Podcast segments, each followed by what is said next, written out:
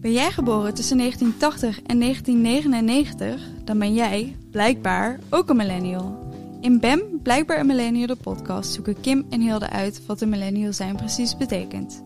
Vaak voelen we ons niet geïdentificeerd met de vooroordelen die we als millennials naar ons hoofd geslingerd krijgen. Maar zijn millennials eigenlijk wel zo bezig met hun seksualiteit? Moeten millennials zich meer bezig gaan houden met politieke kwesties? En houdt elke millennial wel de laatste trends bij? In elke aflevering bespreken we een thema dat wij als millennials tegenkomen in het echte leven. En vandaag is dat spiritualiteit. Spirituality, zoals dat in het Engels heet. Uh, en uiteraard hebben we weer een gast. Hele leuke gast. dat is namelijk Hiram Boom. Hiram, welkom. Hey, dankjewel. Superleuk dat je met ons mee wilt praten, uiteraard. Ja, tuurlijk. En uh, om jou te introduceren gaan we uiteraard weer de BEM-test doen. Dus het eerste wat in je opkomt, uh, moet, je, moet je kiezen. Ja. En je moet kiezen. Je mag niet. Uh, ja, maar anderen die kwamen er ook wel vanaf. even kijken, van familie. Wil je meer vrienden of meer familie? Meer familie. Oké. Okay. En politiek, ben je een actieve volger voor last minute beslisser? Een last minute beslisser. Oké. Okay. wat betreft hobby's, competitieve hobby of lekker voor jezelf? Lekker voor mezelf. Ja. We zagen al een hoop Lego staan. ja, klopt. Maar dat doen we ook wel met de kinderen en hey. mijn vrouw. Superleuk. Uh, seksualiteit, hetzelfde, anders of beide? Anders. Anders. Je bent al een beetje gespoild. Ja, ja inderdaad. Ik heb al uh, ontmoet. helden en idolen, real life idool of fictieve held? vind ik een lastige. Vaak is het een beetje een mix. Of heb je dat je denkt van in een persoon van, oh, dat, dat, dat wil ik ook, dat wil ik ook kunnen. Ja. En soms is het uh, van, wauw, kon ik maar zoals Superman zijn, dan... Uh, Zou ik dan als hem zijn. Ja, precies. Dus een, ja, een mix. Een mix. Of okay. dat mag niet, hè? Je moet één nee, kiezen. Je moet één maar kiezen. super, Superman is ook gewoon real life, toch? Is ook real life. Nou, laten we daarop houden. Precies. Uh, spiritu spiritualiteit, wel of niet gelovig opgevoed? Wel gelovig opgevoed en nog steeds gelovig. Ja. Nou, daar gaan we het vandaag over hebben, ja. inderdaad. Niet weer spoilen. Grapje. Um, seks, wel of geen seks voor op de eerste date? Geen seks. Uh, muziek, muziek voor of na 2000? Voor 2000. Voor 2000. Dus altijd, hè? Je zegt ja, heel veel. Betere, betere hits. Ja. uh, marketing, wel of niet iets kopen via de socials? Vaak niet. Of het moet iets heel gaafs zijn. Ik denk yes. um, films en series. De Karate Kid of Cobra Kai? Oftewel original of remake? Original. Original. Karate Kid vinden we nog steeds leuk. Ja? ja? Heb je Cobra Kai ook gezien? Nee, ik ben niet echt veel van die, van die series die dan altijd met een cliffhanger eindigen. Want dan wil ik ze gelijk allemaal op dezelfde dag zien. Dat, ja, dat gaat niet altijd. Nee, dan moet je even ja, een paar jaar wachten. Ja, en dan moet je weer elke week wachten tot er eentje uitkomt ja. of zo. En... Oké, okay. original. Uh, mode, merkkleding of maakt niet zoveel uit? Maakt mij niks uit. Oké. Okay. Uh, nou, tot slot, of tenminste, vraag. Uit welk jaar kom jij? 1990. 1990? Oeh, de 30. Ja. Net een, daarmee bereikt. Net 31. Alweer net 31, ja, sorry. Ik kon niet zo goed tellen. Uh, en tot slot de vraag aan jou. Uh, wat heb jij met het onderwerp spiri spiritualiteit en religie? Heel veel. Ja. Dus, uh, ik ben actief religieus. Ik ga ook zondags naar de kerk. In de coronatijd is dat een beetje lastig, maar we hebben online een dienst. En ik draai actief mee. Dus ik help ook binnen de kerk. Ik ben ook als uh, missionaris op zending geweest. Voordat ja, Hilde en ik hebben dezelfde studie gedaan, dus we kennen elkaar. En daarvoor ben ik twee jaar in het buitenland geweest. Dus het is wel een, een grote impact op mijn leven. Ja, inderdaad. Het heeft grote invloed dus op je, op je dagelijks bestaan en je, ja, en je levensstijl, zeg maar. En jij, Kim? Uh, ik heb op een uh, katholieke school gezeten. Dus dat is. Dat is uh, ja, daar moesten we wel iedere dag uh, bidden. En schoolstukjes gingen altijd over iets religieus. Verhalen uit de Bijbel. Verhalen uit de Bijbel. Ik wilde heel graag Maria zijn, maar helaas. Het was een engel, het doet nog steeds pijn. Oh. Dat was wel een heel leuk engeltje, volgens mijn moeder. ik zag het ook in mijn hoofd, quote, mam. Of een bengel. Nee, toen nog niet. Toen nog niet. Ehm, maar ja, dat is het eigenlijk wel een beetje. Ik heb, ehm, nu doe, doe ik er eigenlijk niks meer mee. Eh, als je het over spiritualiteit hebt, moet ik ook wel een beetje denken aan dit hele ehm, yoga en, ehm, De wierook en de, de en dat soort dingen en de- inderdaad. Nou heb ik wel, heb ik volgens mij al eens eerder gezegd, tijdens mijn burn-out heb ik daar wel heel veel aan gehad, aan mediteren en dat soort dingen. Mhm. Om tot rust te komen, maar dat is niet wat ik toen heb gezien als spiritueel. Terwijl het wel daaronder valt, denk ik. Wat beschouw je dan als, als spiritueel? Ja, ik denk dan meer aan religie inderdaad. Dus ja. En ik zie ehm, eh, yoga en eh, mediteren niet echt als een religie. Nee. Dus- Volgens mij hebben ze wel weer dezelfde uitwerking. Ja, Het verbetert eh, je persoon, denk ik. En dat is wat eh, yoga ook kan doen. En, eh, en, en soms de wierook en de dingetjes. Die helpen je tot rust komen. En ja. dat is religie ook. Dus volgens mij hapt het wel weer in elkaar. Ja, en daarom wordt het ook wel onder één naam eh, genoemd. Want wat is dan voor jou de definitie van spiritualiteit? Dat is wel moeilijk. Daar heb ik nooit echt concreet over nagedacht. Net toen, eh, toen, toen die vraag kwam, dacht ik, oh, misschien is het wel een beetje hetzelfde. Maar ik denk dat het, ehm, dat een manier van leven is, een levensstijl, die, die je karakter verrijkt. Waardoor je, waardoor je jezelf eh, meer tot uiting kan, kan brengen. En waardoor je ook andere mensen helpt. En dat, dat zie je weer terug dan in de maatschappij. Ja. ja, inderdaad. Ik denk dat ik dat ook wel zo zie. En dan is het een bepaalde levensstijl kan ook afwijken van een religie.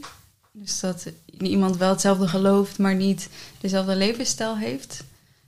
Dat komen we zo misschien nog op en dat was Ja. een van de reacties. Ehm, Oké.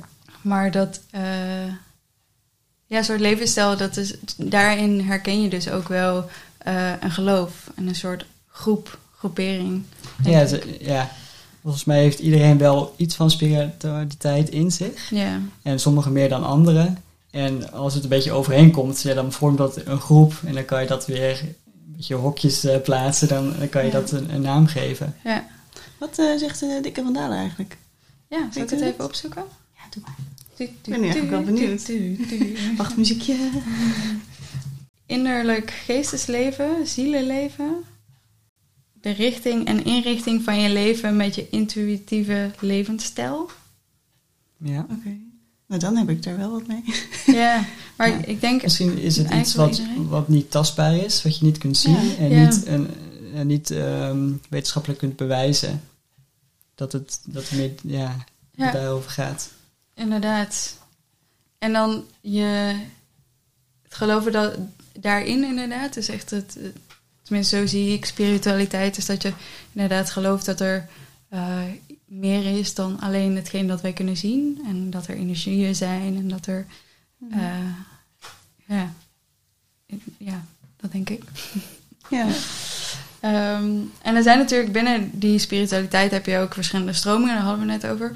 Ehm, ik had even de vijf, vijf grootste religies opgeschreven, zoals christendom, de islam en het jodendom. En dat valt onder het Ab- Abrahamitische geloven.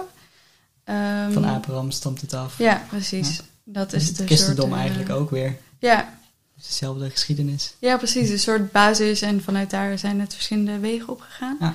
En dan heb je het hindoeïsme en het boeddhisme. En dat is natuurlijk in eh, Azië best wel groot. Ik ben eh, vorig jaar naar Thailand geweest. Mhm. En daar was het boeddhisme wel echt heel groot ook. Dus hele grote tempels. En eh, ja, het was ook wel heel indrukwekkend om te zien. Zeker. Maar dat is echt wel heel anders dan bij ons. Daar waar wij eh Nederlands zo ingericht op het eh, christendom. Dit zie je overal kerken. En als je ergens naartoe gaat, ga je een kerk waarschijnlijk bezoeken. En daar was het de tempels. Dus daar ga je de tempels bezoeken. Ja. Maar dat is dan weer, ja, dat, iedereen weet dat waarschijnlijk wel, maar ehm, weer een andere, andere stroming, andere gedachtegoed ook daarachter. En ehm, ik heb wel het idee dat het Hindoeïsme en Boeddhisme in Nederland ook wel groter aan het worden is. Ik weet niet hoe jullie dat eh, zien, maar dan inderdaad veel meer het mediteren en veel meer. ehm, Ja, zoals met, dat met bijna alles wat we de afgelopen tijd besproken hebben. Millennials hebben steeds meer... Het internet maakt dat ook al mogelijk misschien. Ja. Dat we gewoon steeds meer keuzes hebben. Mhm. En ons ook steeds meer willen identificeren met een label. Dus we willen graag daar een naam aan geven. Ehm, ja, ik denk dat dat het wel mogelijk maakt ook om meerdere... En dat we in de maatschappij wat minder gericht zijn op zo hoort het. De wetten zijn ook Klopt. minder gemaakt naar de- zo moet het. Deze generatie, we willen het of anders doen, of we willen het eh, iets wat echt bij ons past, maar niet opgedragen. En, Ja. ja, en eh, ja, authenticiteit. klopt. Daar zijn we wel een beetje tegen, merk ik ook. we willen vrij zijn en, Ja. en Ja. op zoek naar wat bij ons, eh, wat ons karakter vormt. Ja. ja, inderdaad. En in eh hoeverre, want je- jij bent dus, eh, jouw geloof is onderdeel van het christendom, Mhm. dus begrijp ik. Helemaal goed. dat wist ik al, maar dat is uh, ter Dat luisteraars nog niet. Eh, en eh, wil je daar wat over vertellen? En hoe, hoe beïnvloedt, want daar ben ik wel benieuwd naar hoe het je, eh, je eh, levensstijl beïnvloedt. Want voor mij is het bijvoorbeeld, eh, ik geloof wel, maar ik ben niet heel streng gelovig. En eh, ik ga ook niet naar de kerk en ik ga niet, eh, ja, dat heeft in die, in- ja, dat heeft, huh, sorry. Eh, het heeft op mij niet heel veel eh, invloed op mijn dagelijks leven en op mijn dagelijks bestaan. Dus ik ben benieuwd hoe dat bij jou, eh, hoeveel anders jouw leven daarin is dan dat van mij. Of Ja. dat van iemand anders. Daar wil ik wel over vertellen. En vul me alsjeblieft aan als er dingen niet eh, duidelijk zijn. Ik ben eh gelovig opgevoed. En, ehm, maar bij ons geloof is het altijd wel belangrijk dat, dat je actief een keuze maakt. Of je, of je het wel of niet eh, naleeft.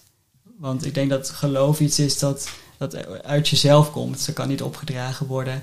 Het is eh, het onderdeel van jou. Volgens mij is dat de tweede stelling die we straks gaan Ja, behandelen. Spoiler alert. Spoiler. Alleen maar spoilers deze ja, aflevering. precies.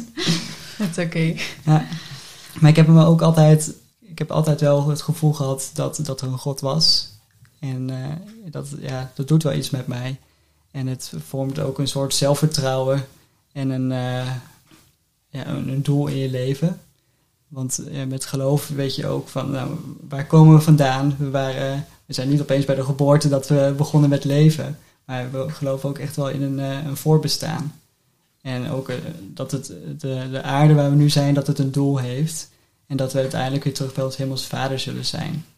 En dat, dat grotere plaatje, dat, dat maakt het leven soms ook wel heel erg makkelijk. Dat je denkt van oké, eh, het is tijdelijk en eh, uiteindelijk eh, zijn we bij de finish. En dan kijken we terug van wat Ja. hebben we bereikt in het leven. En dat, dat geeft gewoon veel meer ehm, ja, meerwaarde, denk ik, aan het leven. Ja, mooi. Dat is- lijkt me heel relativerend soms in situaties. Ja. Dat je soms wat, eh, wat meer los kan laten. Ja, ik denk dat, ehm, dat het gebed dat dat ook een soort meditatie is. Dat je terugkijkt van, op je dag van wat heb ik eigenlijk eh, van gedaan, ja, wat heb ik gemaakt deze dag Ja. en eh, wat kan ik beter doen de volgende dag. En, en dat is, daarom is gebed ook wel heel erg belangrijk, dat je sturing in je leven geeft, of aan je leven Ja. geeft. Een soort reflectie op je eigen leven is het eigenlijk. Ja, je analyseert je Ja. dag en dan kan je weer lessen uit leren Ja. voor de volgende. Ja. En heel erg, eh, want dat, ik heb die, zelf die link ook al eens gelegd. Eh, Mediteren en het bidden is eigenlijk hetzelfde soort van tot jezelf komen. En heel geconcentreerd met één ding en met je eigen gedachten bezig zijn. En volgens mij is dat, mediteren is net iets anders.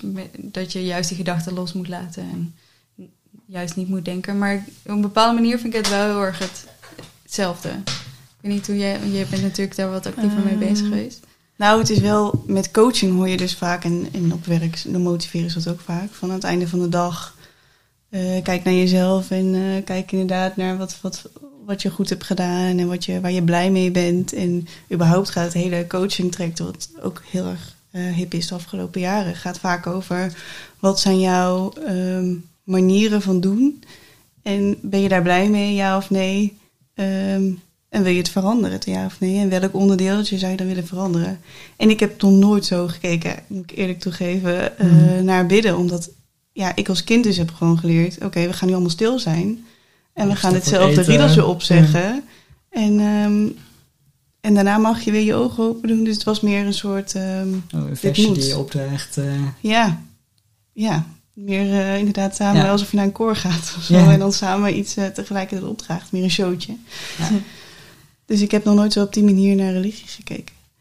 Ik ben ook wel benieuwd, zijn er nou ehm, regels? Want ik kan me voorstellen, ik heb ook wel eens een filosoof erover gehoord. Die zei van nou, er zijn regels gemaakt om het voor ons makkelijker te maken als mens. Want als we regels hebben en we leven die gewoon na... ehm, ja, dan, dan hoeven we geen Mhm. keuzes te maken. En als je geen keuze hoeft te maken, maakt het leven veel makkelijker. Ja. Ehm, zijn er nou heel veel regels waar jij je aan houdt die je voelt tot opgedragen zijn? ik heb niet het gevoel dat regels opgedragen zijn. Eh, Ik had deze vraag al een beetje verwacht. ja. dus ik dacht er gisteren over na van... Stel, ehm, je wordt aan jou verteld van... Je mag geen rood, rode kleding dragen of helemaal niks roods. ja. En dan denk je, ja... Dus sommigen zullen denken van... eh, belachelijk! En die gaan juist rode kleding aandragen... wat ze anders nooit zo- zouden doen. En ehm, sommigen denken, nou ja, prima, rood staat me toch niet. Ehm, en ja, en misschien zal een enkeling denken van... hé, hey, waarom eigenlijk? Waarom mag ik niet rood aan? ja. Nou, als er daarna wordt verteld van... nou, we lopen hier 40 wilde stieren eh, lopen rond... en eh, ja, rood, dat trekt zo'n stier... dus eh, dat is gewoon gevaarlijk voor jou. Dan denk je, oh, prima, ja. ik ga geen rood dragen. Ja.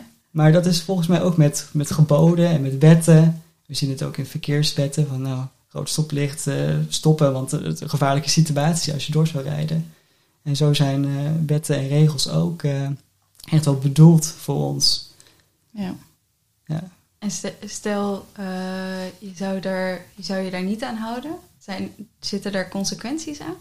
Nou, het is eigenlijk altijd voor jezelf.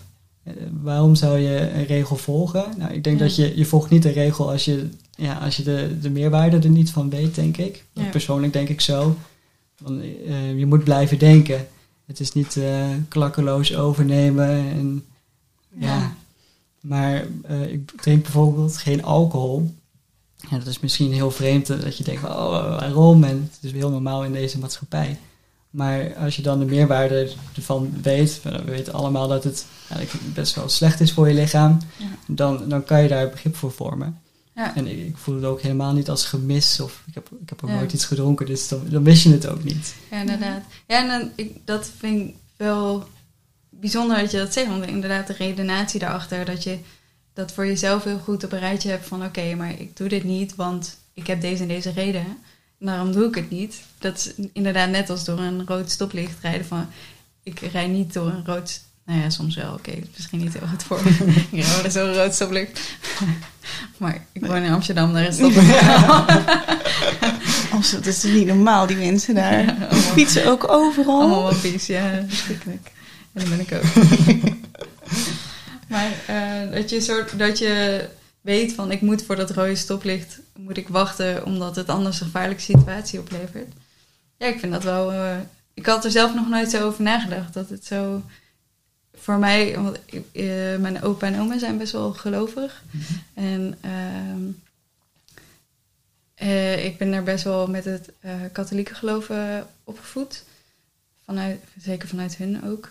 En ehm, ja, daar, op een gegeven moment stonden de regels die er waren, stonden mij een beetje tegen. En ik denk, ik, omdat iets moest, ik deed het omdat het moest. Maar dat, dat is op een gegeven moment wat mij heel erg tegen is gaan staan. Omdat het moest en dat ik dan niet zelf die redenatie eh Je achter hebt het snapte. gevoel er niet bij van waarom zou je dat Ja. moeten doen. Inderdaad. Want wanneer kwam dat bij, je, bij jou, dat besef? En zeg maar, vanaf wanneer moest je eigenlijk kiezen van... Ja, dus- eh, het- je, bent een actieve gelover? Ik, volgens mij ben ik niet het beste voorbeeld, want ik heb altijd al gevoeld dat het, dat het heel belangrijk voor me is. Ja.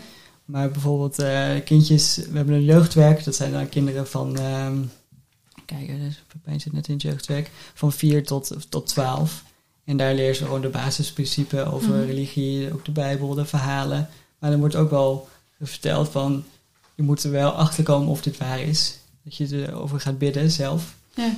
En, en, en hoe je dat dan kan aanvoelen van, eh, of ja, dat dat wel een gevoelskwestie is. Ja. En dat, al- ja, dat heb ik ook gedaan. En toen had ik wel het sterk het gevoel van, je weet het eigenlijk al. Ja. En eh, dat, dat gevoel is altijd bijgebleven, dat is sterker geworden. Ook door mijn leven heen, dat ik dan dingen merk van, hé, hey, dat, dat kan niet anders dan dat het van God komt. Ja. En eh, dat zijn dan eigenlijk meer bouwblokken die, je die je dan meeneemt waardoor het sterker wordt. Ja. En wat vind je dan van mensen die dat dan die, die dat anders zien? vind ik prima. Ik, eh, volgens mij is juist het christendom iedereen die, die iedereen respecteren. En die iedereen in hun waarde laat. En dat past volgens mij heel goed bij het christendom. En als iemand het anders ziet, ja, dat, ja, dat is toch logisch? Ja. Iedereen Ja. is ook een beetje anders. Ja, je ziet de laatste tijd natuurlijk best wel wat, ehm, wat agressie op, op in de media. Wat betreft geloof en eh, homofilie bijvoorbeeld. Maar ook vorig jaar was het geloof ik met kleding. Dat er een katholieke school was waar kinderen alleen maar lange broeken aan moesten. En dus geen, eh, ja, Geen korte gewoon broek aan mochten. geen korte aan broek aan mochten. Of Dan geen een korte broek. Ja, dus dat, dat zijn meer de mensen die, dus, die dat dus niet accepteren. Dat, Ja. dat er iets anders is. En dat zijn dezelfde mensen waarschijnlijk dat je in Amerika ziet die eh, heel conservatief zijn en het niet oké Klopt. vinden als je geen wapen in huis hebt. Ik denk dat we dat, dat, dat zie je overal bij, eh, bij overal verschillende mensen. Mensen die het wel kunnen accepteren en anderen niet. En dat is ook wel een beetje lastig van wanneer accept- accepteer je mensen. Ik denk dat je altijd mensen in hun waarde moet laten. Ja. Ehm, of je er nou maar eens bent of niet. Dat, dat maakt, ja, op zich is dat niet belangrijk, want wij zijn niet degene die oordelen. Ja. Dat, dat is gewoon niet. eh, waarom zou je ook oordelen? Ja. Als iemand daar prettig bij voelt, Ja. dan ja, het is ook zijn leven. Hij heeft zijn eigen keuzevrijheid. ja, precies. Ja, het Ja, doet me ook heel erg denken aan eten. We hebben die eerste aflevering over food. En toen zeiden we wat ik echt vervelend vind. Het is prima als je vegan wil eten. hè. Maar Ja. dat valt mij er niet mee lastig. Ja. Leg het mij niet op dat Ja. ik jouwzelfde voedingspatroon moet volgen. En dat het is helemaal hetzelfde. Ja. Je moet Ja. niet je eigen ja, andere spiritualiteit opleggen aan een ander. En je kan daar een gesprek over voeren en een soort eh, interesse daar ook in hebben. En naar jouw, ver- in jouw verhaal ben ik ook heel geïnteresseerd, omdat ik dat gewoon bijzonder vind. En dat is niet, het is niet een heel alledaags verhaal. Of Je komt het niet heel vaak tegen. Maar de soort van dat gesprek erover, en ik weet dat ik dat met jou ook wel kan doen, dat je daar gewoon een soort wederzijds respe- respectvol gesprek daarover kan hebben. Mhm. Ja, dat is, en iemand daarmee in zijn waarde laten is zo belangrijk. En dat wordt eigenlijk veel te weinig gedaan, vind ik. Überhaupt in Nederland en eh, de rest van de wereld. Ja, begrip. En, vaak eh, hebben we heel veel begrip voor mensen die het hardste schreeuwen. Ja, Dan, dan, ja, dan denken we, oh ja, ja. Of iemand die anders is, dan, dan is dat, wordt dat een beetje opgelicht. Van oké, ja, of hoe zeg? Uitgelicht, niet opgelicht. Ook. maar dan, ja, er wordt er heel veel aandacht aan besteed. Maar ik denk dat iedereen bijzonder is. En iedereen heeft zijn eigen kwaliteiten en zijn, eh, zijn passie. Ja. En ja, dat, moet, dat is gewoon fijn, toch? Dat, Ja. eh, dat is onze maatschappij. ja. Ja. Zullen we dan eh, naar de eerste stelling? Ja, Ja, we nou, eigenlijk Was hebben we al heel veel... wij hebben eigenlijk al heel veel besproken hoor. Eh, de eerste stelling was, ik ben gelovig.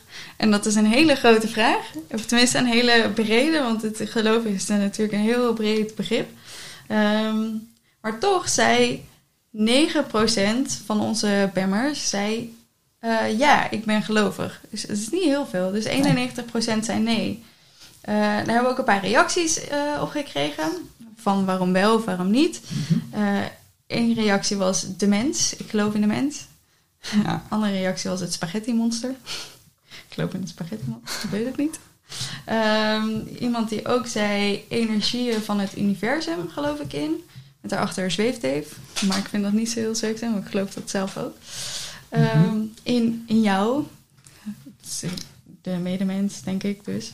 Ja. Ehm, wel in het lot, niet in het toeval.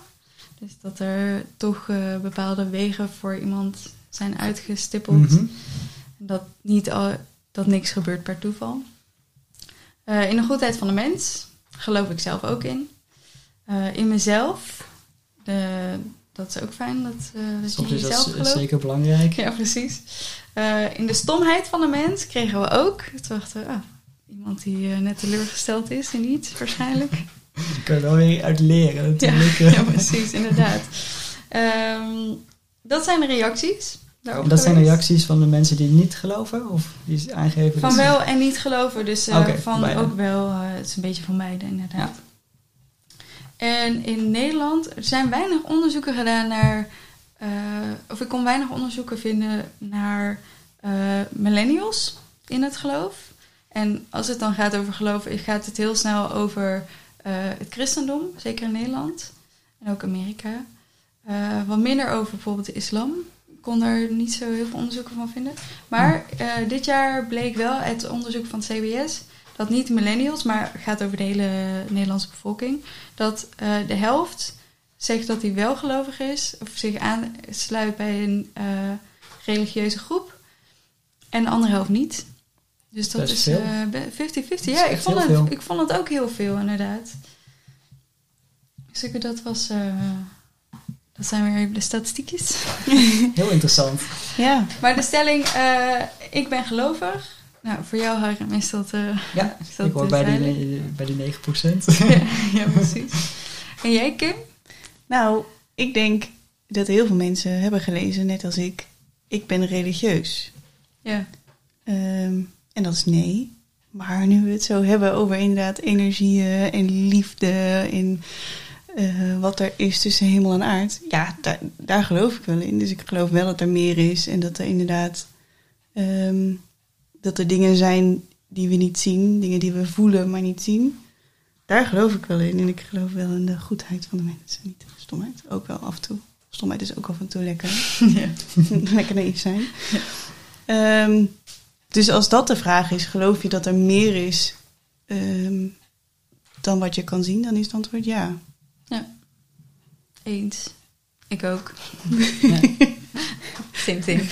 Dat is een stuk makkelijker dan mijn hele betoog. Ehm, maar ja, dat is. Ja.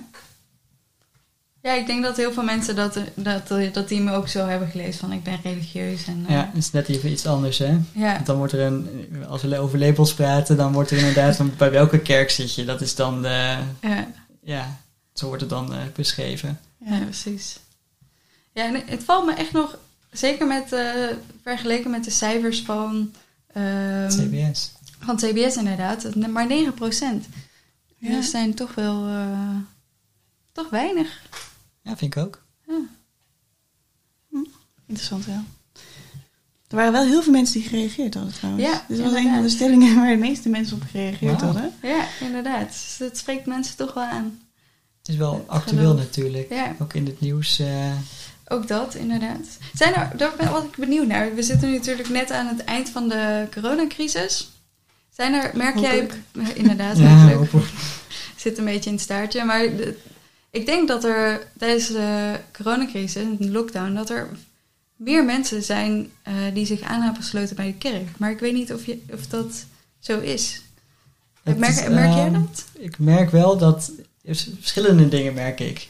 Ik merk er wel dat er bijvoorbeeld doopdiensten zijn geweest tijdens de, of binnen onze kerk, binnen de corona. Dat vind ik wel heel ja, wel tof om te zien, want er zijn geen missionarissen of zo op straat en, en je kan niet zomaar een kerk binnenlopen. Dus aan de andere kant denk je, oh, veel is gesloten. Hoe, hoe leer je een kerk kennen? Ja, Maar aan de andere kant is het natuurlijk ook veel online en is het misschien wel makkelijker voor mensen om, om vanuit huis eh, om, eh, een beetje afgeschermd op zoek te gaan naar wat, wat bij je past. En Ja. dan connecties te leggen. ja. Dus dan merk je wel dat het zo is. Wat ik ook wel merk is, de, de andere kant, is dat ook wel weer mensen minder gelovig worden, omdat ze er minder mee bezig zijn. Ehm, omdat ze juist thuis zitten en niet andere mensen leren kennen of niet het gesprekje erover kunnen voeren met een ander. Dat het een beetje aan het verwateren is. oké. Dus het werkt eigenlijk twee kanten op dus. Ja, En grappig. Want ik heb wel altijd het... eh, wat ik altijd heel mooi vind aan een geloof is dat je... eh, dus best wel er houvast aan kan hebben. En ik kan me heel goed voorstellen dat zo'n hele rare situatie... dat een geloof dan heel erg een houvast kan, kan bieden voor mensen. Een soort... eh, en ook, klopt. Een beetje vertrouwen op de toekomst. Ja, Ik geloof niet dat, dat God eh, iemand is die met zijn vinger wijst van "Oh, wordt gestraft. En up, ik denk dat het echt een hele liefdevolle ja, hemelse vader is. En die, die niet zomaar dingen laat gebeuren die, die slecht voor ons zijn. Ja. Dat alles wel met een reden is gemaakt om, om ons te laten groeien, om ons eh, verrijken, te verrijken. En, en daardoor zijn dus ook de, de wetten en de geboden waar we het net over hebben gehad. En ik zeg niet dat, dat God corona heeft geschapen, maar volgens mij heeft het wel veel verbeterd in de maatschappij. Door, ja, ook veel, het heeft, heeft twee kanten natuurlijk, maar Ja. ik zie ook wel dat, eh, ik, ik werk vanuit huis, dat is echt super fijn om Ja. gewoon eh, bij mijn kinderen, ik zie ze vanuit mijn kantoortje, kijk de woonkamer in, ik zie Ja. ze spelen, ik, zie- ja, ik zie ze groeien. Dat is echt fantastisch. Ja. En ook juist om eh, contacten te versnellen. Eh, dus ook dat je, ja, met religie, dat je, dat je ook gestuurd wordt eh, naar een bepaalde kant die voor jou het beste is. Ik denk dat corona veel goeds kan doen. Maar aan de andere kant ook veel leed. Ja. Ja. ja, precies. Ook dat gaat weer twee kanten op. Dat gaat ook weer twee kanten Ja. op. Ja. Ja, Door precies. leed kan je groeien en in de, het kan versterkend zijn. Of, ja, of de andere kant. Ja, En dan hoop zijn, hopelijk zijn er mensen in je omgeving die je erbij kunnen steunen. ja. Precies. ja, Ja. inderdaad, dat vooral. Een beetje terug, back to basics. Zeker in het begin. Dat je dacht van, ah ja, ik ga ook echt alleen de mensen zien die, eh, die ik het liefste wil zien. Ja. En dan wel op afstand. En Ja. Dus je, je moet je heel erg aanpassen aan deze nieuwe situatie. Ook werkgevers natuurlijk, die ineens andere manieren bedenken om werk te doen. En ik denk dat er heel veel blijft bestaan hierna. Eh, maar ook dat je dingen gewoon gaat waarderen. Ik mis de bioscoop bijvoorbeeld, mis ik echt super Ja. erg. Ja. Terwijl ik voorheen, eh, ja, ging ik helemaal niet zo heel vaak naar de bioscoop. Nu denk ik, ik kan niet meer wachten. Het is weer open, dus ja. eh, ik kan weer. Inderdaad. Een van de dingen die werd gezegd over eh, millennials in het geloof, dus geen onderzoek, maar ik heb wel wat artikelen en zo daarover gelezen, is dat millennials ehm, heel, heel erg eh, moeite hebben met commitment. Mhm. En eh, dat is zeker, ja, dat wordt gesteld, hè. Dat is niet per se, eh, is niet per se waar. Het zijn heel veel mensen die daar wel helemaal, of millennials die daar wel helemaal oké mee zijn. Ehm, maar ja, ik, ik vraag me af dat, of dat de reden is waarom ook bijvoorbeeld het christendom minder groot is of anders moet dan vorige, bij vorige generaties. Zijn er überhaupt veel millennials bij, jou, bij jullie in de kerk? Zeker. Echt wel een hele grote groep. De grootste groep? Of de... Ehm, het is een goed vertegenwoordigde groep. Politiek correctheid. Eh, ik, ik heb geen nummers paraat, maar, dat, nee, nee, eh, maar eh, volgens mij is dat wel... eh, ik weet niet hoe ik het in percentage uitreken, maar een kleine 50% is volgens mij wel eh, de, de jonge, jonge adult leeftijd. Ja. Dus daar, daar, de millennials zijn dus vrij goed gerepresenteerd. Ja. Die zijn dus ook het commitment aangegaan. En de, Ja, precies. Ik denk als, iets, als je iets weet dat het waar is, dan, dan heb je ook een houvast eraan. En dan, ja, dan is het echt wel een, een levenswijze die, die, die, die je verrijkt. ja. En dan, ja.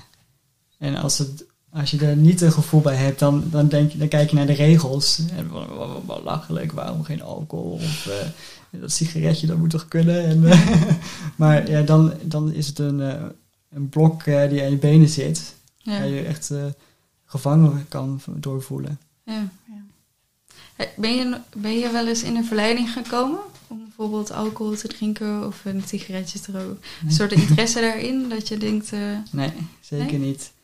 Ik heb eh, bijvoorbeeld twee jaar in, eh, in Estland heb ik als missionaris gediend. En als je ziet hoeveel problemen door alcohol komen. ja, eh, ik had mensen die ik onderwees die, die uiteindelijk niet konden stoppen met de alcoholverslaving omdat het hun leven zou kosten. Omdat ze al, wat was het? Volgens mij was het 20 jaar waren ze geen dag sober meer geweest. oh wow.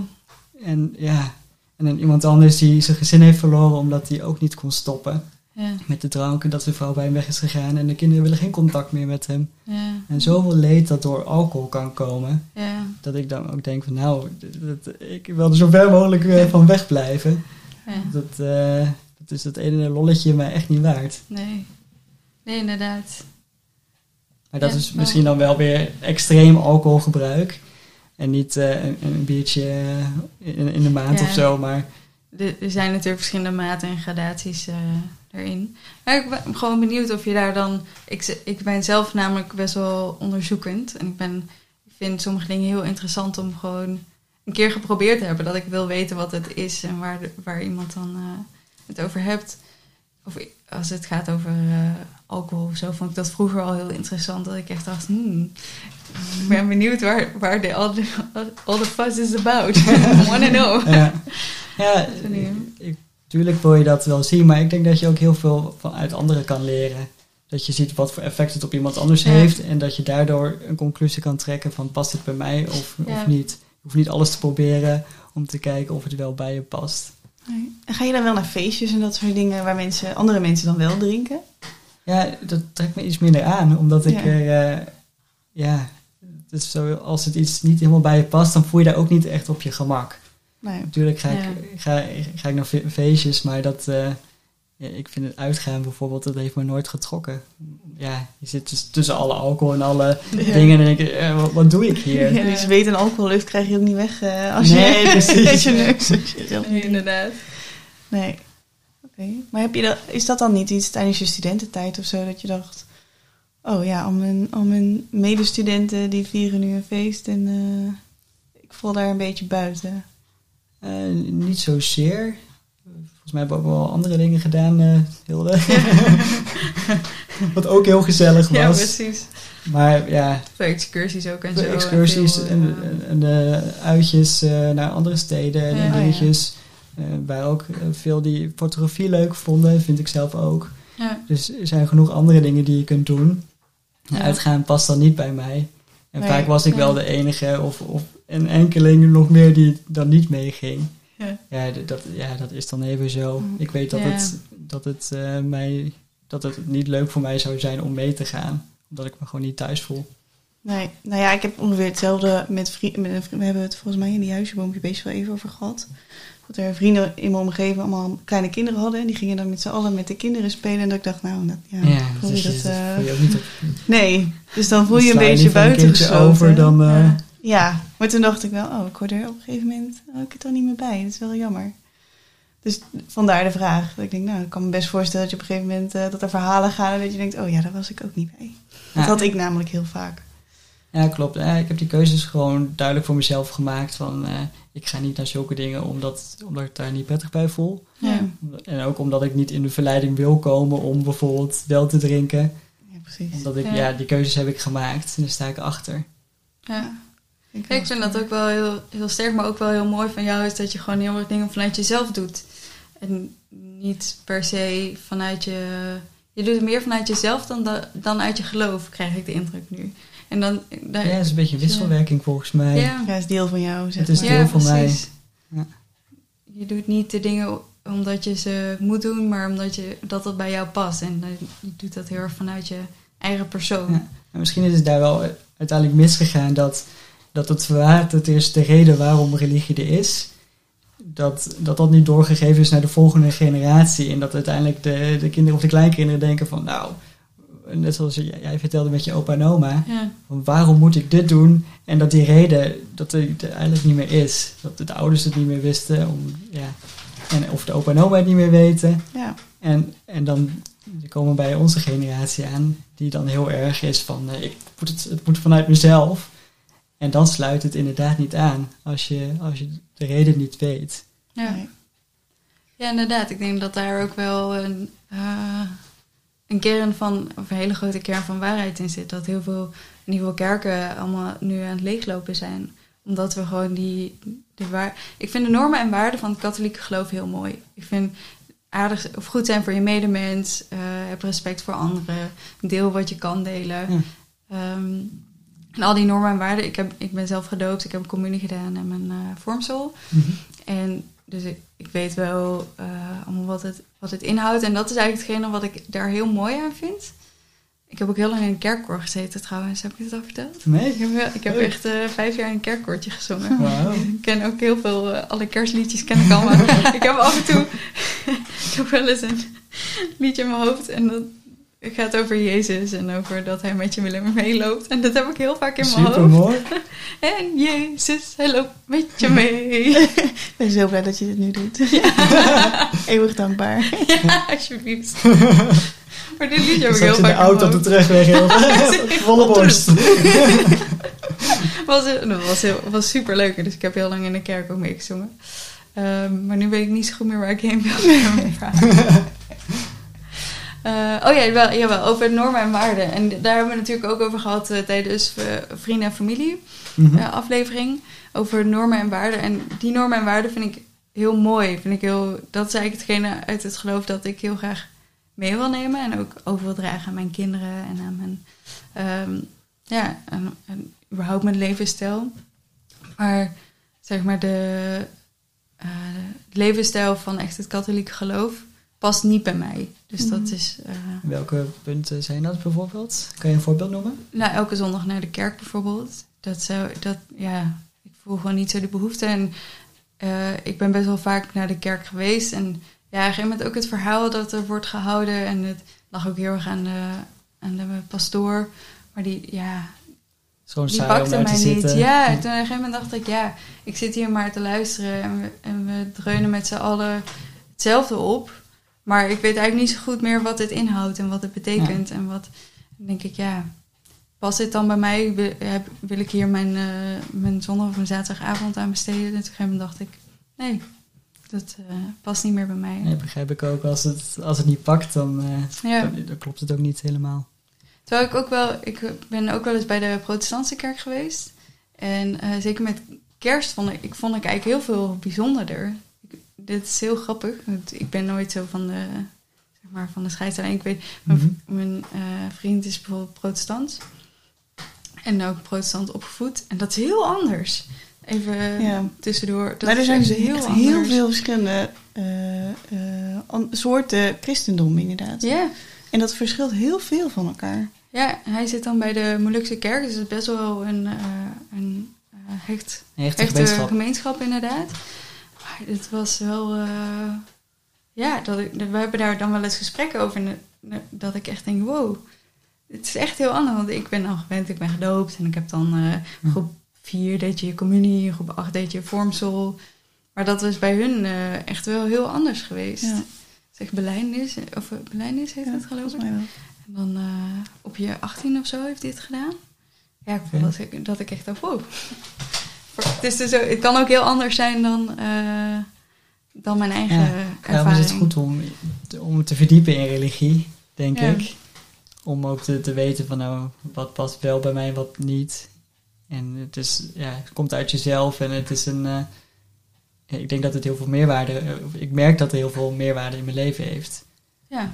ja, precies. Ja, we worden vaak toch maar, als we al geïntroduceerd worden tot religie, is het meestal de religie van onze ouders. Ja.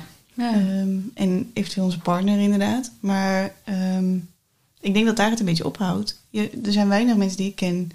Volgens mij toen ik maatschappijleer kreeg op school is er wel iets over verteld. Maar dat was altijd heel sumier. Er was echt eh, één hoofdstuk over überhaupt religie. En dan had ieder, ieder wat ze, als het konden verzinnen, had een heel klein kopje. Dus dat is niet echt blijven hangen. Dus je hebt, ehm, ik, voor mijn idee weet ik ook echt helemaal niks over protestanten inderdaad. Of over andere geloven. Daar krijg je, ik heb daar bijna niks van meegekregen in mijn jeugd. Nee. Ja, inderdaad. Eigenlijk Wat eigenlijk jammer, heel jammer. Ja. Want het, het geeft ook wel een soort begrip naar je medemens en naar situaties. En dat- dat is wel, wat ik al eerder zei, we- wel iets dat heel erg ontbreekt, vind Ja. ik.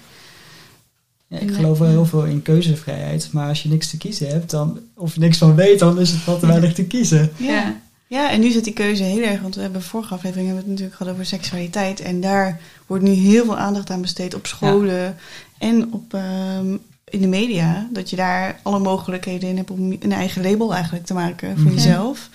Eh, maar het hele religie is daarmee eigenlijk wordt- vervaagd. Ja, of je wordt juist extra weggedrukt omdat ze vaak andersdenkend zijn daarin. En denken, oh, dat past niet meer in onze maatschappij. Ja. Ja. Ja, maar ook heel hard. Dus ik heb altijd het gevoel gehad dat de religie heel hard is. Dit mag wel, dit mag niet. Ehm, oh, hij is homo, wat zonde nou? Want dan mag hij niet naar de hemel. Ehm, Dat soort opmerkingen. eh, afgeschilderd. Ja, en, en als ik dan zo met jou praat, denk ik, oh, ik voel me, ik voel me helemaal niet zo. ehm, ja, je krijgt een beetje het gevoel van mag je er wel zijn volgens de, de religie, zeg maar. En dat heb ik Ja. nu in dit gesprek helemaal niet. Nee, zo, zo is het ook inderdaad. Ja, precies. Ja, dat schrikt in eerste instantie. Er zijn natuurlijk heel veel mensen met een, eh, net wat je zei, met de grootste mond. Die hoor je dan het snelst. En die zijn dan een soort representatie die eigenlijk heel, die helemaal niet klopt. Mhm. Dat is wel, eh, dat, dat proberen we natuurlijk ook met deze podcast te bereiken. Om Nou, te zien dat er, ja, heel om te laten zien dat er heel veel gradaties zijn en heel veel, eh, dat het niet per se Ja. zo zwart-wit hoeft te zijn. Nee, er zullen inderdaad mensen zijn die, die heel zwart-wit denkend zijn. Heb je, je hebt natuurlijk altijd mensen die net even iets anders of extremisten of eh, Ja. die dan wel zeggen, oh, oh oké, eh, hel. Maar ja, daar Ja. geloof ik echt niet in. Ja, gelukkig. Zullen we naar de tweede stelling? Die was dus net al eh gespoord. Maar, eh, en we hebben het eigenlijk, komt het al steeds terug. En eigenlijk is het best wel met elkaar verweven. Eh, de tweede stelling is spiritu- spiritualiteit moet uit jezelf komen en niet vanuit plichtsbesef. 100% van onze bammers zei ja. Ja, ik ook zelf Dus dat was eh, heel duidelijk. Ehm, ik vraag me dan wel af hoe dat eh, met vorige generaties was. En daar, dat weet ik niet zo goed. Of dat dat meer... ehm, dat, nou ja, ik denk dat er in vorige generaties, zeker de, eh, de boomers, in veel situaties wel mee moesten naar de kerk. En daarmee dat het onderdeel is van je gemeenschap waar je, waar je woont en waar je onderdeel van bent. En dat dat gewoon, ja, je gaat naar de kerk omdat je, ja, daar moet zijn. Ja, wat ik binnen onze kerk wel merk is dat tot je achttiende is vaak dat de ouders wel zeggen van kom, kom mee naar de kerk. En, en dat daarna, dan ben je volwassen, dan eh, mag je zelf wel kiezen. Maar het is wel wat ik denk, ik wil ook dat mijn kinderen meegaan naar de kerk, omdat ik weet dat het belangrijk voor mij is en ook voor hun kan zijn. En, ehm, maar of dat echt een, een definitieve moed is, dat denk ik niet.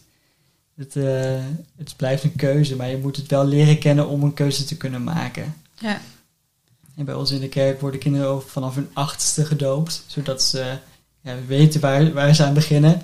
En eh, ja, dat een doop niet, Goed. een baby kan niet kiezen. ja, Maar een achtjarige die heeft wel besef, eh, ja, een beetje goed en fout. En ja. die, kan, die kan een redelijke keuze maken. Wat goed.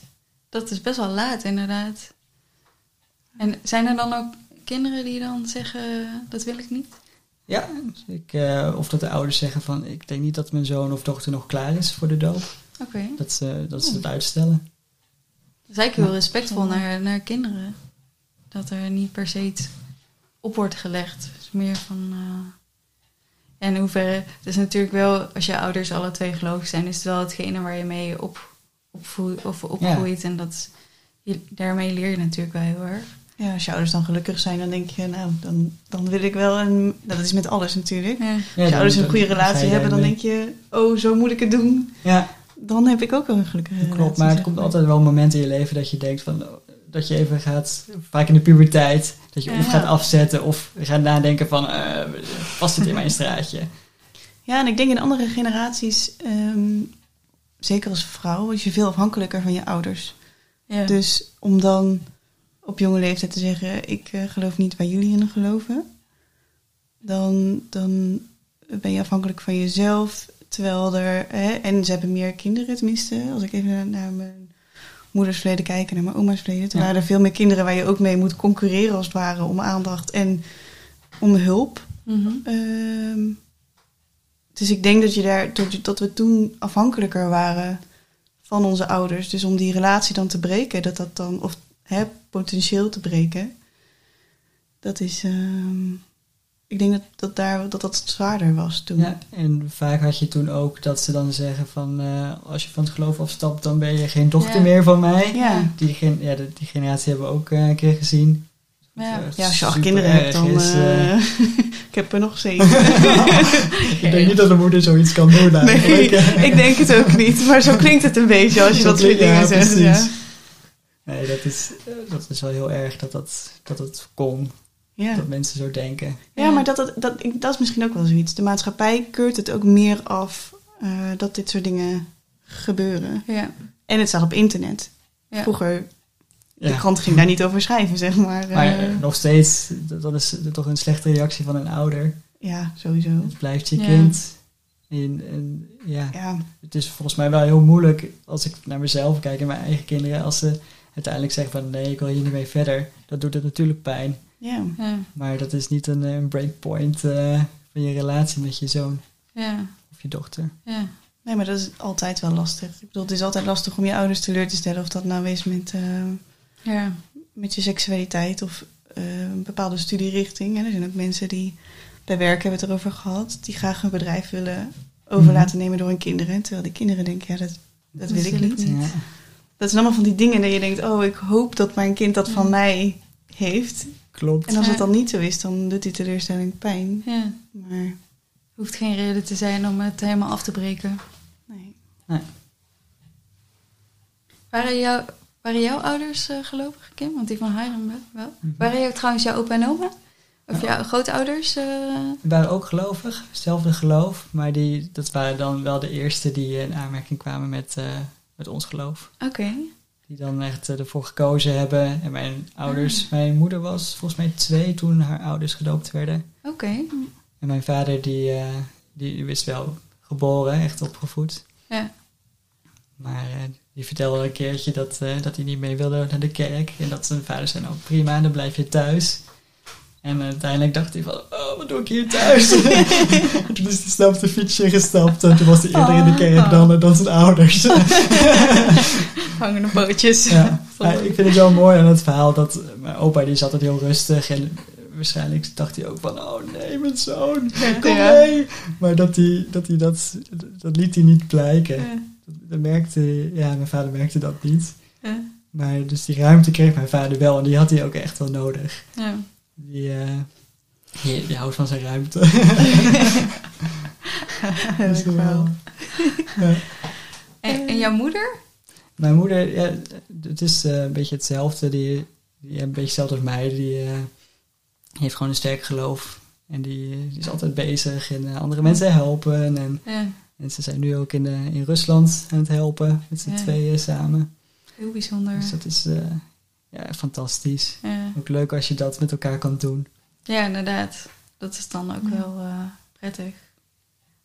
Maar eh, jouw ouders, sorry Kim. Nee, mijn ouders zijn eh, allebei niet gelovig. Ehm, als ik even goed terugdenk, volgens mij zijn we wel allemaal gedoopt. Maar dat is meer van, je krijgt een kind en het wordt gedoopt. Dat was gewoon het part of the ritual, zeg maar. Mhm. Ehm, en ik weet nog dat mijn oma dus, eh, toen ze trouwde, toen heeft ze een heel strak corset gedragen, omdat ze al seks had gehad voor het huwelijk. Oh, dus zat Sorry oma. om de buik ik, eh, eh, te, ja. te verhullen.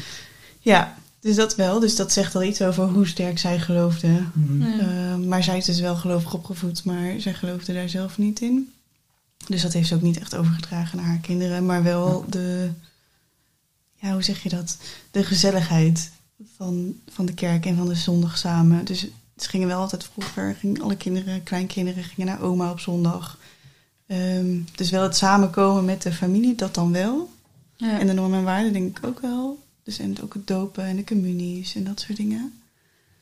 Maar niet het, eh, de rest, zeg maar. Dus alle, alles daarachter niet. We Ja. deden gewoon het trucje eigenlijk. Daar komt het een beetje op neer. We Ja. deden de trucjes, maar niet de manier waarop we, waarom we het Het is niet echt Ja. de levensstijl, maar wel de... Of ja, de, punten die voor haar aanspraken, die werden eruit gehaald. En de Ja. rest, daar de, de, deed ze niet zoveel mee. Precies. En ik denk dat we dat allemaal nog wel hebben. En overdragen dus ook op jullie. Ja, denk ik onbewust wel, ja. Ja, dus eigenlijk Mooi. ga je zondag ook iets leuks en gezelligs met elkaar doen. Of, eh, Ja, ik vind, nou tenminste, ik hou wel van dat soort tradities in ieder geval. Ja. Dus ik vind het wel fijn om eh, mensen, om wie ik heel veel geef, samen te laten komen. En ik vind, daarom, ik vind mijn verjaardag ook altijd een leuk moment. Mhm. Mm. Omdat ik dan alle mensen die ik lief heb, die zijn dan gewoon allemaal bij elkaar. tuinen. Ja. Dat vind ik gewoon fijn. Dus, ja, dus dat eh, heb ik wel heel erg. Ja. Ja. En ben je? Mijn eh, ouders zijn alle twee niet eh, echt eh, gelovig. Tenminste, mijn vader gelooft dus ook in het lot en eh, niet in het toeval. Mhm. Ehm, en eh, mijn moeder eh, ook niet heel sterk in ieder geval. Maar ze hebben me wel dus mijn communie laten doen en mijn vormsel. Ook om te laten zien van wat het geloof inhoudt. En dat ik daar uiteindelijk, eh, ja, dat ik daar wel uiteindelijk mijn keuze in mocht maken. En mijn, maar wel die normen en waarden inderdaad leer. En leer wat een geloof inhoudt en wat, eh, wat de Bijbel zegt. En wat, nou ja, die belangrijke punten uithalen. En daarmee ook een, leren wat andere geloven in kunnen houden. En dat je daarmee, ze, hebben me daarmee wel een soort van basis gegeven. Waar ik ze wel heel dankbaar voor ben. Want daar ben ik wel Zeker. echt. eh, vind ik fijn dat ik dat heb geleerd en daarin ook mijn eigen, dus mijn eigen keuzes in heb kunnen maken. Dus ehm, ja, mijn opa en oma zijn dus eh, best wel gelovig.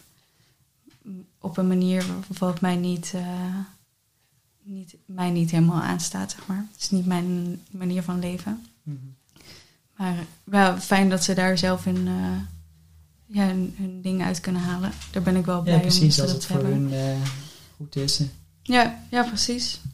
Maar eh, voor de rest eh, dus niet echt. Ik vind dat... en ja, Yannick... eh, bij Yannick in zijn familie is dus de Molukse kerk. Daar is het best wel... Is het groter dan, dan ik in eerste instantie had verwacht. Ik ben ook naar een bruiloft geweest met, in de Molukse Het was heel bijzonder, want het is echt heel, het, het is heel anders. Dat is eh, hele andere muziek natuurlijk. En deel wordt in het Indonesië of in het Maleis gedaan. Ah, Het is tof. wel... eh, Ik heb wel van gehoord, maar ik heb het nooit meegemaakt. eh.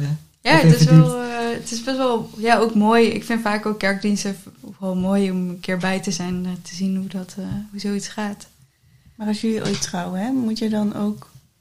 eh, is het dan verplicht dat jij je bekeert? Eigenlijk? Eh, dat is niet verplicht. En dat, dat wil ik ook niet. Maar ik heb Nee, maar dus jullie zouden wel mogen trouwen zonder dat jij ook protestant bent? Ja, volgens mij eh, wel. Anders zijn we... Nee, ja, ik ben gewoon nieuwsgierig. Ja, nee, want ik weet dat eh, vaak in de islam is het wel zo Ja. dat... eh, dat Ja, volgens of mij ook bij het Jodendom, eh, ik ben niet zeker hoor, maar eh, ja. als ik, eh, ja, Volgens mij ook wel. Volgens mij wordt dat wel gevraagd. Grieks- Griekse orthodox. Oh ja. ja, het zijn zoveel stromen ook. Ja, volgens mij wordt het wel in gevraagd of je dat wil. Maar daar heb ik zelf wel over nagedacht dat ik dat, ik dat niet, eh, niet wil. Ik ben zelf katholiek opgevoed en ik geloof niet zo heel sterk daarin, zeg maar in de kerk. En dan denk ik, ja, waarom zou ik dan ehm, ja, me bekeren tot iets waar ik Waar je niet net tot zo- bekeerd ja, bent ja, eigenlijk. precies. Dan denk ik, ja, wat heeft... Ja, dat spreekt mij niet, eh, spreekt mij niet zoveel aan.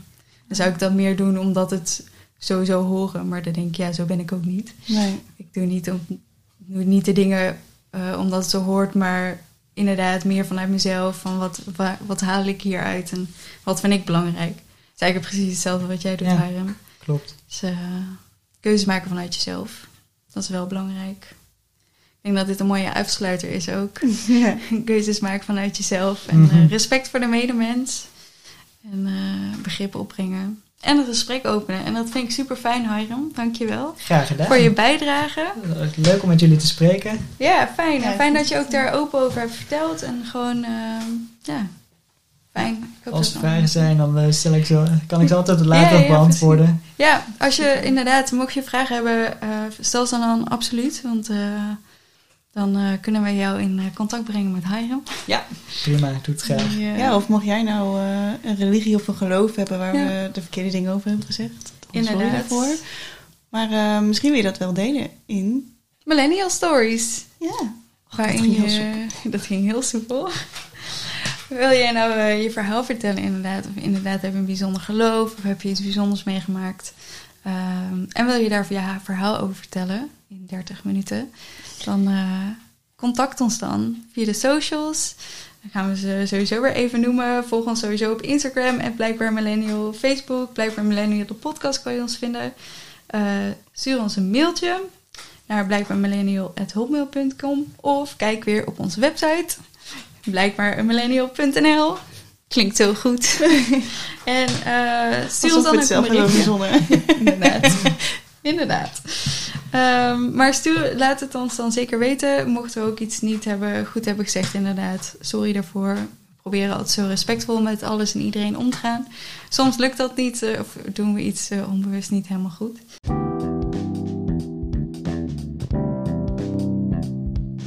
Dat was hem weer. En eh, oh ja, vind je deze podcast nou leuk, Bammer?